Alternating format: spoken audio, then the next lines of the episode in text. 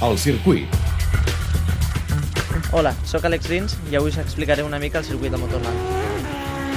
Doncs el revolt número 1 és una curva a esquerres, es fa en primera o segona, la curva 2 i 3 són pràcticament a fondo, i la 4 també també es fa a fondo. Vale? Després arribes a, a la curva número 5, que és a esquerres, també és, és similar a la, al primer revolt, i fins aquí doncs, s'acaba el, el primer parcial, que, que és bastant ràpid, té, té tres curves que són a fondo. Després ens trobem amb el, el parcial número 2,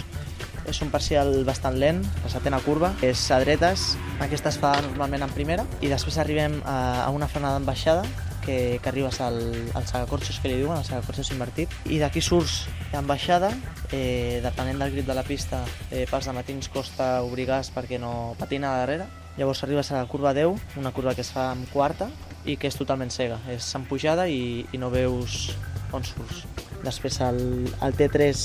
hi ha una,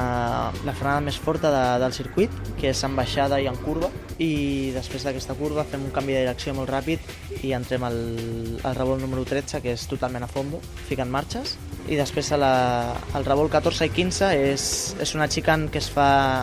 no es fa gaire ràpida, a la 14 és molt important no anar-te molt llarg, perquè després et costa fer, et costa fer el canvi, no, no, no entres bé, i d'aquí és molt important sortir perquè dones a la, a la recta més llarga del circuit i a l'última recta. A l'últim revolt, que, que són la, la curva 16 i 17, i és una curva molt decisiva, on es guanya no es perden curses. Si surts molt lent aquí per rebufo, doncs et, et poden passar. Un circuit que, que m'agrada perquè té de tot.